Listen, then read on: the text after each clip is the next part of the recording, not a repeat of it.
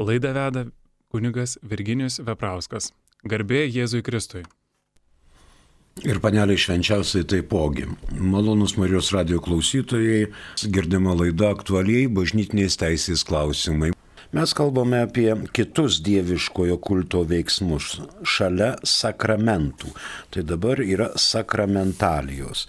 Tačiau iš anksčiau yra pas mus patekę porą žinučių, tai paprašysime šiandien, kad jas perskaitytų. Prašom. Ar šventoji dvasia veikia tik katalikus, ar ir agnostikus? Drįščiau pastebėti, kad šetono apsėdimai dievų veikimai būna tikintiems tik tapus agnostiku tos anapusinės metafizinės būtybės nebetenka galios. Ačiū. Dabar įskaidykime į dvi dalis. Ar šventoji dvasia veikia tik katalikus ar ir agnostikus? Atsakymas vienareikšmis. Šventoji dvasia veikia ne tik katalikus, bet ir agnostikus, veikia ir gnostikus, ir visus kitus. Veikia. Viskas aišku, čia problemų nėra. Dabar drįšiau pastebėti, kad šėtono apseidimai, dievų veikimai būna tikintiems.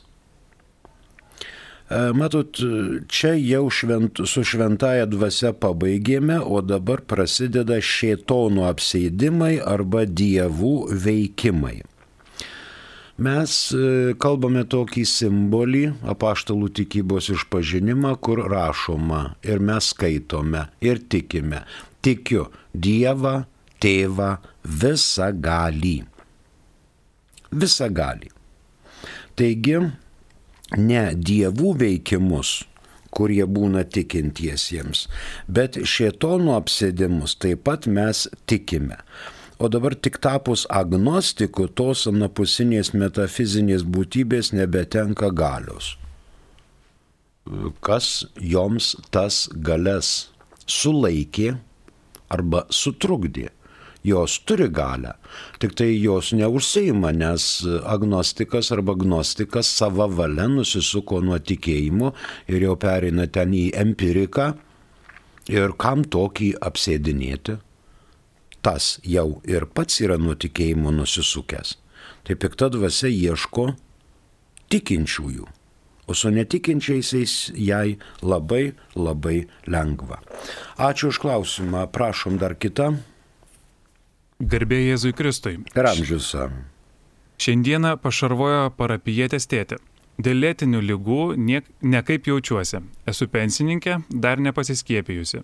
Ar nuodėmė, jei nenuvyksiu pirmą dieną į šermenis ir vyras prieštarauja nori, kad saugočiausi viruso? Dėkojam už atsakymą klausytojai. Ačiū klausytojams. Tokios nuodėmės aš nežinau, jeigu žmogus nenuvyksta pirmą dieną į šermenis. Nėra nuodėmės. Kad būtų Dievo įsakyta nuvykti pirmą dieną į šermenis, tai būtų gal vienuoliktas Dievo įsakymas. Arba bažnyčios koks šeštas įsakymas. Bet įsakymų plotmėje to nėra. Jeigu jūs, kad ir pensininkė, tai paskubėkite pasiskiepinti, Ir jeigu net vyras tam prieštarauja, nori, kad saugotumėtės viruso, tai jūs taip ir darykite. Jūs galite nuotoliniu būdu pasimelsti už mirusį parapietės tėtį. Nėra pareigos. Yra aišku džiaugsmingas buvimas šalia mirusiojo, kurį mes pažinojome, kalbėjom, bendravom, dirbom, šnekėjomės, jis buvo mūsų kaimynas arba giminaitis, tai kaip ir pareiga būtų nuvažiuoti paskutinę mm, dieną arba prieš paskutinę arba pašarvojimo dieną arba laidotuvių dieną atiduoti jam pagarbą. Pagarbą žmogui, ne vien tik pastovėti, bet pasimelsti už tą žmogų. Kiek jis mums gero padarė, kiek mes jį pažinojome, Buvo linksmas, buvo liūdnas, buvo specialistas, buvo paprastas Kristaus vynuogino darbininkas, tai čia jau nuo jūsų priklauso. Bet nuodėmės, kad nenuvyksite pirmąją dieną į šermenis ir kad vyras prieštarauja, tikrai nėra. Ačiū už klausimus, primenu, kad girdite Marijos radiją. Ketvirtadieniais laida aktualieji bažnytinės teisės klausimai. Laida prasideda maždaug 17.20 ir baigėsi 18 val. O mes eikime prie savo tiesioginės temos iš eilės 1172 kanonas. Du paragrafai. Niekas negali teisėtai atlikti egzorcizmų apsėstiesiems, jei nėra gavęs ypatingo ir aiškaus vietos ordinaro leidimo. Antrasis paragrafas. Vietos ordinaras tokį leidimą turi suteikti tik pamaldumu, mokslu, išmintimi ir dorų gyvenimu pasižyminčiam kunigui. Tai prie šito, čia dabar apie egzorcizmus. E, prie šito keletas minčių. 1917 m. kanonų teisės kodekse egzorcizmą reglamentavo trys kanonai. Dabar reglamentuoja egzorcizmą vienas vienintelis kanonas, kurį sudaro, kaip girdėjote, du paragrafai. Egzortai tai viešas bažnyčios prašymas dėl asmens arba daikto. Mes paprašysime katalikų bažnyčios katekizmą pacituoti keletą minčių, kad paremtumėme katalogus šitos kanonų aiškinimą ir su teologinė mintim. 1673 ir 1237. Kai busit pasiruošę, duokit žinę, galėsite paskaityti. O mes einame prie antros minties. 1917 m. kanonų teisės kodekse, tai yra 1151 antras, e, buvo nurodyta, kad egzortus viešai gali skaityti kunigas arba vyskupas, bet jokių būdų ne diakonas reikalingas skaitimui vietos ordinaro leidimas. Ne emerituoto vyskupo, ne auxiliaro, bet vietos ordinaro leidimas. Ir tai nėra menamas, tariamas, o aiškus leidimas. Leidimas duodamas pastoviai kunigui vykdyti tarnystę arba atskiru atveju, būtent tam atveju, kurį vyskupas mato. Pasauliečiams draudžiama vartoti oficialias egzorcizmo formulės. Draudžiama. Tai nereiškia, kad negalima persiskaityti, ką ten kunigas kalba, bet draudžiama naudoti oficialias egzorcizmo formas. Tačiau pasauliečiai gali ir turi naudoti bažnyčios patvirtintas kitas maldas egzortų atveju. Ar mes jau atsivertėme? Prašom, tai dabar 1673. Apie viešus egzortus. Kai bažnyčia viešai ir autoritetingai Jėzaus Kristaus vardu meldžia, kad asmuo ar daiktas būtų apsaugotas nuo piktojo kėslo arba išvaduotas iš jo valdžios, tai vadiname egzorcizmu. Jį atlikdavo Jėzus ir bažnyčia gavo iš jo galę ir uždavinį išvarinėti demonus. Paprasta forma egzorcizmas atliekamas per krikšto apeigas.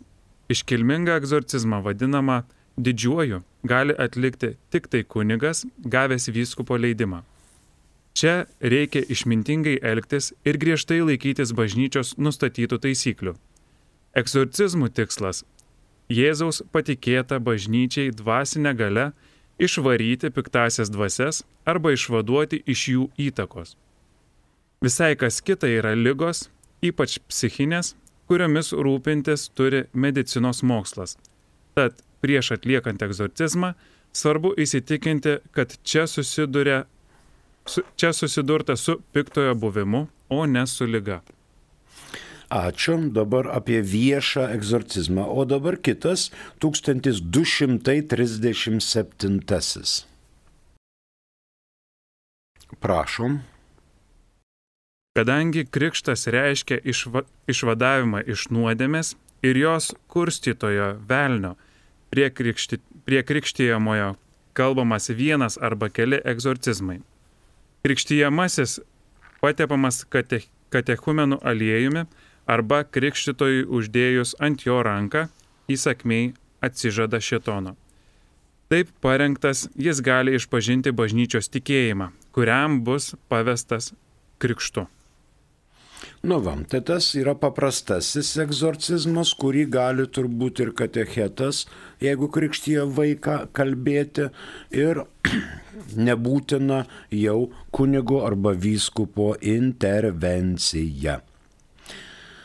Trečia mintis. Ar mes turime kokią žinutę?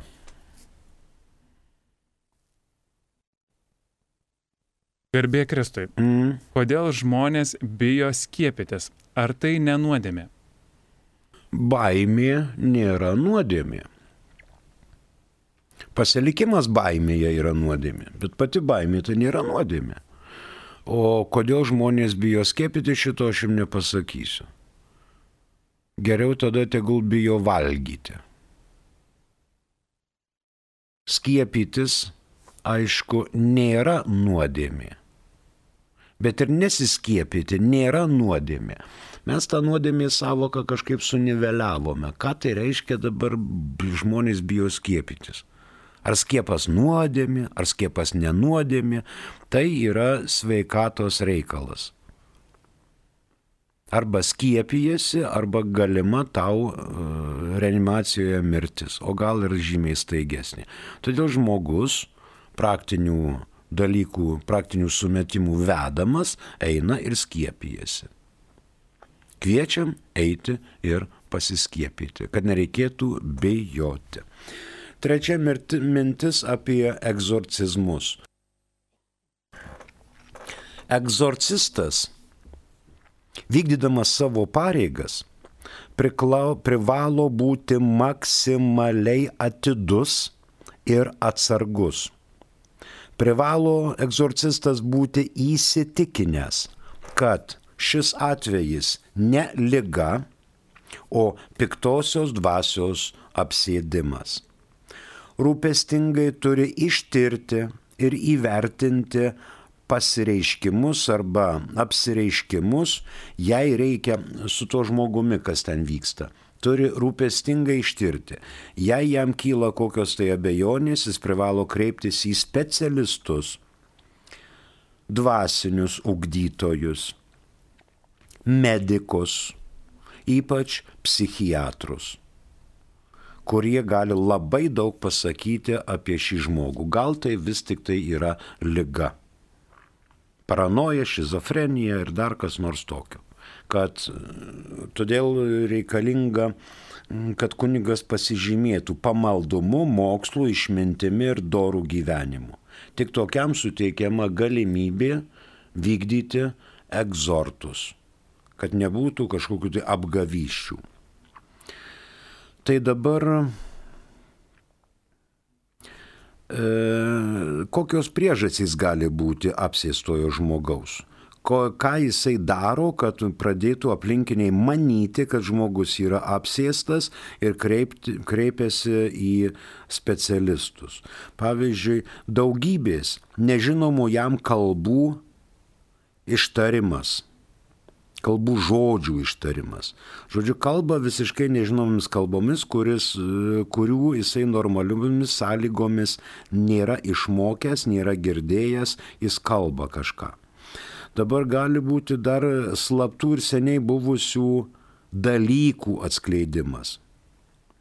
Pavyzdžiui, gali būti disponavimas didžiulė jėga, neproporcinga amžiui arba natūraliom žmogaus jėgoms. Pavyzdžiui, žmogus paėmė ir pavertė ant šono traktorių vikšrinį. Paskui neapykanta Dievui, Jėzaus vardui, švenčiausiai mergeliai Marijai, šventiesiems arba Dievo kulto daiktams. Mums paskambino, prašom. Klausimą turi Kestutis iš aukštaitijos. Klausome jūsų. Gerbėjai Zukris, Per amžius. gerbiamasis kunigė, tai e, šitą buvau pakrikščiusias e, pravoslavų kunigo, gimęs tremtyje. Ir man užtvirtino, kad e, jeigu senas kunigas, tai krikšt, per krikštyti nereikia. A dabar, aš dabar uždavęs klausimą, kad kaip per krikštyti, man paaiškina, kad aš turiu turėti du liudytojus, nuo kurių aš neturiu, kadangi aš pats jų amžiuje, o tie liudytojai visi išmyrė, išskyrus mam, mamą dagyvą. Sekantis klausimas, iš paskos eina, a, tai kaip dabar išpažinau visą gyvenimą katalik, katalikų tikėjimą, o čia ar tos nuodėmės buvo įskaitytos per, per išpažinimą, ar, ar mano tikėjimas buvo neteisingas. Ačiū. Ačiū Kestuti, pas, išgirdau du klausimus. Vienas klausimas, ar reikia persikrikštyti. Persikrikštyti tikrai nereikia. Ir pravoslavų krikštas tikras, ir katalikų krikštas tikras. Jums persikrikštyti nereikia. Tačiau turi būti, kaip minėjau, įrodomumas, kad jūs esate iš vis pakrikštytas. Jeigu mama gyvai jinai gali raštu paliudyti, kad taip mano sūnų krikštijo pravoslavų kunigas. Tuo pačiu aišku, kad jūs jau būsit prieimęs ir sutvirtinimo sakramentą. Ir jums norint tapti kataliku, nes dabar jūs esat pravoslavas, reikia nueiti į savo parapijos bažnyčią ir pereiti į katalikų tikėjimą. Jūs visą gyvenimą ėjot, išpažinot ir lele, ir tralele, ir viskas yra gerai. Tačiau jeigu jūs norite būti pravoslavų toliau, jūs turite pradėti lankyti cerkvę ir kreiptis į pravoslavų kunigą. Jeigu jūs pagal tradiciją visą laiką katalikų bažnyčioje viską darėte, bet jūs formaliai neperėjote į katalikų bažnyčią, buvote tik tai pakrikštytas pravoslavų bažnyčioje, jūs nueikite į savo parapijos bažnyčią pas kunigą ir jis jums padės atlikti būtent šitą formalumą. Ačiū Kestutė iš aukštaitijos ir iš mašinos. Toliau dar vieną klausimą turime telefonu, prašom. Klausau jūsų. Vytautas iš Kauno turi klausimą. Taip. Taip. Kalbam? Noriu paklausti, ar gali kunigas privačiam name atlaikyti šventas mišes? Be jokios abejonės gali, jeigu jis turi tam leidimą. Ir jeigu yra būtinybė. Name e, namo savininkas dirbo prie kalėjimo remonto darbų ir už darbą gavo plytų. Tom plytom išgrindė namo grindis. A, dabar jam neramu, kad ten buvo daug girdėję plytos dėjonių, skundų, maldų ir gal ir prakeiksmo. Ar e, šventos mišios būtų geriau negu pakrapinimas vandeniu? Pakrapinimas vandeniu nieko nereiškia, bet reiškia pašventinimas to namo arba tų plytų arba tos vietos. Mišių laikyti ten nėra būtina, nes tai nėra būtinumo atvejs ir vyskupas aišku neleistų mišių laikyti šio, šiuo atveju. Mišios būtinybės atveju yra tai, jeigu nėra aplinkui per kelius šimtus kilometrų švenčiausiojo sakramento ir žmogus miršta ir nori priimti komuniją. Tada kunigas gali laikyti miršės prie mirštančio ligonio lovos, pakonsekruoti komuniją ir išklausyti išpažinti ir jį sustiprinti švenčiausią Euharistiją. Va toks būtinumas yra. Nebūtina reikia ieškoti kažkokios tai bažnyčios už kelių šimtų kilometrų, o Lietuvoje tai čia visur, kas keliasdešimt kilometrų tikrai galima rasti bažnyčią ir tokios būtinybės mišių laikyti bet kur, ant bet kokių plytų tikrai nėra. Kunigas yra Dievo žmogus, kuris vykdo savo tarnystę Dievo vardu ir Dievo vardu šventina ir įsiklausykite į šventimo maldas, kas ten sakoma. Ir vad šventindamas, kaip liturginė norma, yra dar pašlakstoma šventintų vandeniu. Bet ne vien atėjai ir pašlakstai vandeniu ir čia viskas išnyko, pranyko. Yra malda, kurią vykdo kunigas, dvasininkas. Tai ačiū Jums. O mes toliau einame prie savo tiesioginės minties apie egzortus. Tai kaip girdėjote, neapykanta Dievų, Jėzaus vardu ir taip toliau. Dabar, jei asmuo nėra katalikas, pavyzdžiui, kito tikėjimo, kito išpažinimo asmuo, tai apie praneš, pranešama vyskupui ir te sprendžia vietos vyskupas. Jeigu įmanoma, su apsėstuoju kažkokiu tai būdu bendrauti, e, reikėtų paprašyti jo sutikimo. Jeigu jam ateina prašviesėjimo momentai, reikia paklausti, ar jis sutinka, nes jo valia čia irgi daug reiškia. Jeigu jis sako, padėk man, padėk man, man padėk, aš jaučiu, kad čia kažkas pas mane vyksta. Tada kunigas gauna jau įpareigojimą ir pagalbą gali teikti pagalbą su vyskupo žinia. Ketvirta mintis.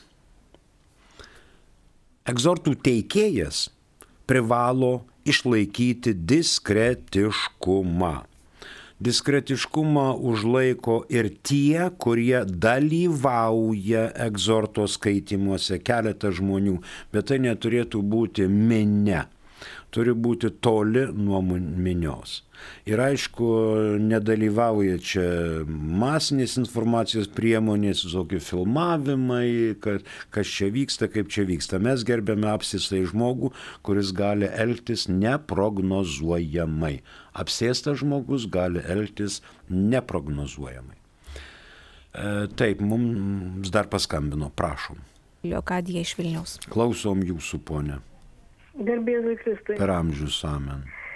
Kiek metų dia, diakonas gali siekti kunigistės šventimų ir jeigu jam tai nesiseka, tai ar, mm, kaip čia inicijuojami, ar dar vieno vyskupo žvilgsnis, ar, ar keletą vyskupų ir kaip čia jam vat, tada toliau pasiekti, jeigu jam, nu, nežinau, kol kas nesiseka labai tai tada jisai, jam yra pasakyta, dėl ko jam nesiseka. Ar jisai neturi gabumų mokslui, ar nėra pamaldus, ar taip toliau. Jam turi būti pasakyta. Dabar diakonas yra pastovus, kuris jau nebesiekia kunigystės, jis yra vedęs, turi žmoną, turi vaikus ir jisai visą gyvenimą lieka diakonas. Jis nesiekia kunigystės, jis tarnauja diakono pareigose bet tie, kurie mokosi seminarijoje ir siekia kunigystės, tai prieš paskutinis laiptas yra diakonatas. Ir galbūt davę diakonatą, metus laiko stebėjau šitą jauną vyrą ir nusprendė, tiek seminarijos pedagogai, tiek rektorius, tiek, tiek vyskupas, kad jam jau nebebus suteikta teisė tapti kunigu ir turi įvardinti priežastis dėl ko. Dėl ko? Tai jam turi įvardinti. Čia ne mes sprendžiame iš šalies, kad vaikšto diakonas keletą metų ir jisai vis nepasiekia kažko.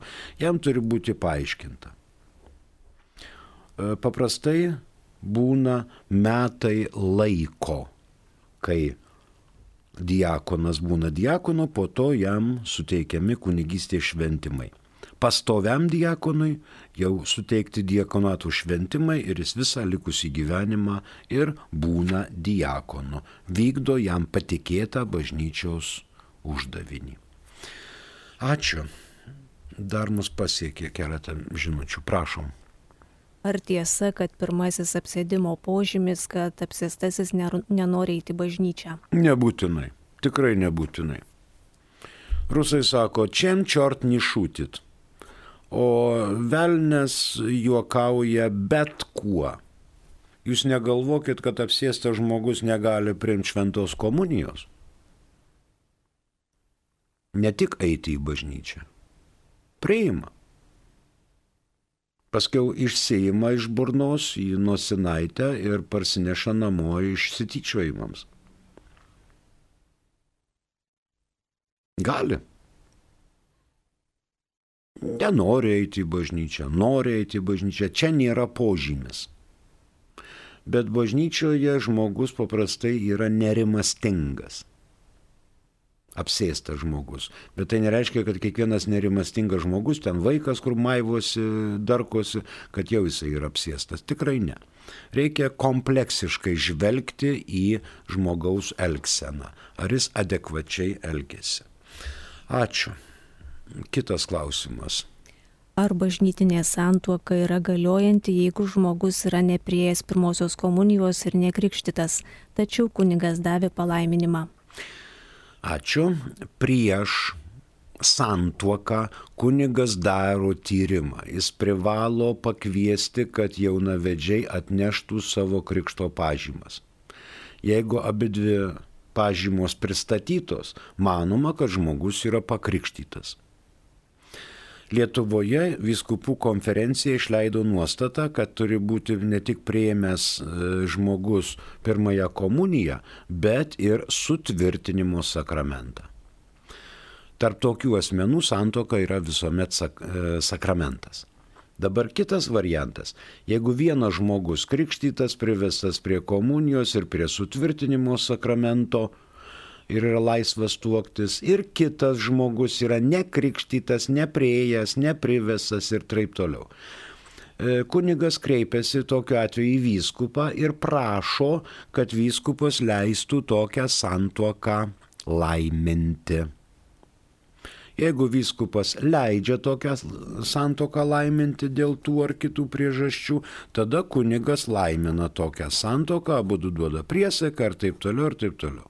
Tada ta šita santoka yra nesakramentas, bet jinai yra kanoninė santoka, pripažįstama bažnyčios ir viena šalis, kur yra katalikiška, gali drąsiai eiti ir toliau prie e, sakramentų išpažinties, komunijos, būti krikšto tėvu, krikšto mama arba sutvirtinimo tėvu, sutvirtinimo mama atitinkamai. Jeigu kunigas davė palaiminimą, jis turėjo atsargiai padaryti tyrimuką ir sužinoti, kokia šalių būklė. Ar vienas ir kitas yra pakrikštyti, ar nėra pakrikštyti. Jeigu viena iš šalių yra nekrikštyta, kunigas prašo raštišką prašymą vyskupui, išdėsto motyvus ir laukia vyskupo sprendimo. Jeigu vyskupas leidžia, tada viskas tvarko, jeigu vyskupas neleidžia, tada kunigas pasako šitai jaunavedžių porai sužadėtiniams, dėl ko vyskupas neleido. Įvardina priežastis. Dėl to, dėl to arba dėl ano. Ačiū. Tai toliau einame prie egzorcizmų. Žodžiu, jokie filmavimai, jokie garso įrašymai yra negalimi. Ir egzorcistas vengia panašumo į magiją. E, bet jo veiksmai, jo maldos, jo laikysena, jo šventinto vandens, pavyzdžiui, naudojimas išreiškia bažnyčios tikėjimą. Ir žinoma, turim visuomet omenyje, kad blogio slėpinys neturi būti pajuokos objektas. Velnes, piktoji dvasia, demonas yra angelo lygmenyje. Dievas sukūrė angelą protingesnį ir intelektas jo ten žymiai aukštesnis už žmogaus. Ta patį intelektą turi ir velnės.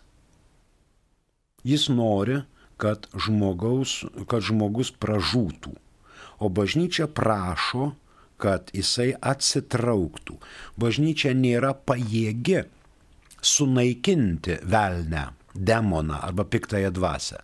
Bažnyčia nesunaikint atėjo piktos dvasios. Net ir Jėzus nenaikino piktos dvasios, tik išvarė iš šito Dievo kūrinio, kad tas Dievo kūrinys išlaikytų asmenybinį nesusiskaldimą, kad jis būtų vienas žmogus ir kad jame negyventų dar kažkas. papildoma jėga, destruktyvi jėga. Egzorcizmą galima taikyti žinoma ir katechumenams, ir nekatalikams, ir eretikams, ir ekskomunikuotiesiems, nes egzortai yra bažnyčios prašoma malda, kad apleistų šitą Dievo kūrinį piktoji dvasia. Žmogų sukuria Dievas. Žmogus žmogaus sukurti nėra pajėgus. Ir todėl bažnyčia prašo, kad nuo žmogaus atsitolintų kitas Dievo sutvėrimas turintis angelo prigimtį, tai yra piktoji dvasia. 1172 atitikmuo rytų kanonuose neegzistuoja, tačiau yra nuoroda į dalinę teisę.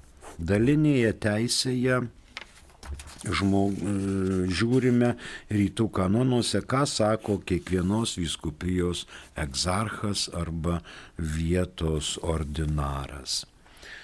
1172 pabaigėme, dabar fiksuojame. Pirmas paragrafas.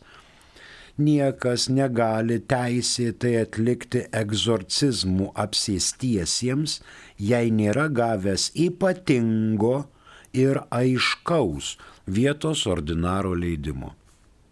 Antrasis. Vietos ordinaras tokį leidimą gali suteikti tik pamaldumu, mokslu, išmintimi ir dorų gyvenimu pasižyminčiam kunigui. Čia, žinot, tais egzortais yra labai nemažai bėdų. Vieniem atrodo, kad apsėstas, kitiem netrodo, kad neapsėstas. Pasižiūrėjo medikai, ai sako, tokių apsėdimų čia pas mus yra, duosim kokio aminazino ar ko nors tokio ir apsiramins. Būna ir taip. Bet būna, kad labai nežymus e, sutrikimai žmogaus jau aiškiai egzorcistui rodo, kad tai yra ap, e, apsėdimo apraiška. Ir tada vykdomas egzorcizmas. Egzorcizmas nėra sakramentas, egzorcizmas yra sakramentalija.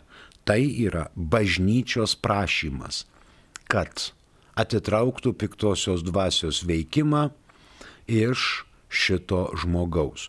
Ir kaip Jėzus sakė, kad kam, kam tas vyksta?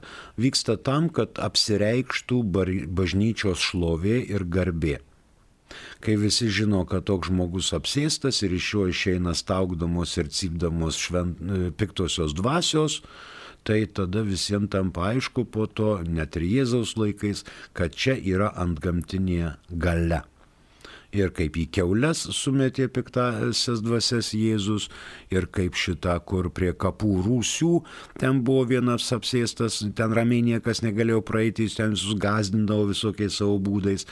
Po to mm, jis buvo jau apsirengęs, jį aprengė šeimos nariai turbūt, iš jo buvo išėjusi pikta dvasia. Tai yra akivaizdus dalykai, kai reikia pagelbėti žmogui. Bažnyčia kasdien meldžiasi, kad nepatektų į piktos dvasios pinklės žmonės. Dažnai be jų pačių kalties, dažnai su jų pačių kalte irgi apsėdimai vyksta. Tai ir žaidimas su visokiais horoskopais, su adatom, su lėkštelėm, su bliūdeliais, su kortom, su visokiais rutuliais krištoliniais. Tai jau yra žaidimas su ugnimi, kadangi gali bet kada iššaukti piktosios dvasios antpuolį ir pikta dvasia turinti intelektinį lygį didesnį už žmogų gali su žmogumi žaisti ir su šeima žaisti. Tai yra labai pavojinga. Dėl to, kad neįeitų pikta dvasia į mus, mes ryte ir vakare melžiamės. Bent jau persižegnojame. Pripažįstame, kad esame žmonės, kad esame nuodėmingi žmonės ir prašome, galimybės regėti veidas veidan viešpatį po mirties. O čia žemėje einame šio žemės keleivio taku ir stengiamės vengti blogio, daryti gerą ir liūdyti viešpatį Jėzų Kristų. Tuo laidą baigėme, jau naujo kanono nepradėsime, mūsų laikas išseko. Ačiū Jums už klausimus. Jeigu turite dar ko nors, siūskite žinutės, kitoje laidoje pasinagrinėsime. Prie mikrofono dirbo kunigas Virginijus Veprauskas. Ačiū ir sudė.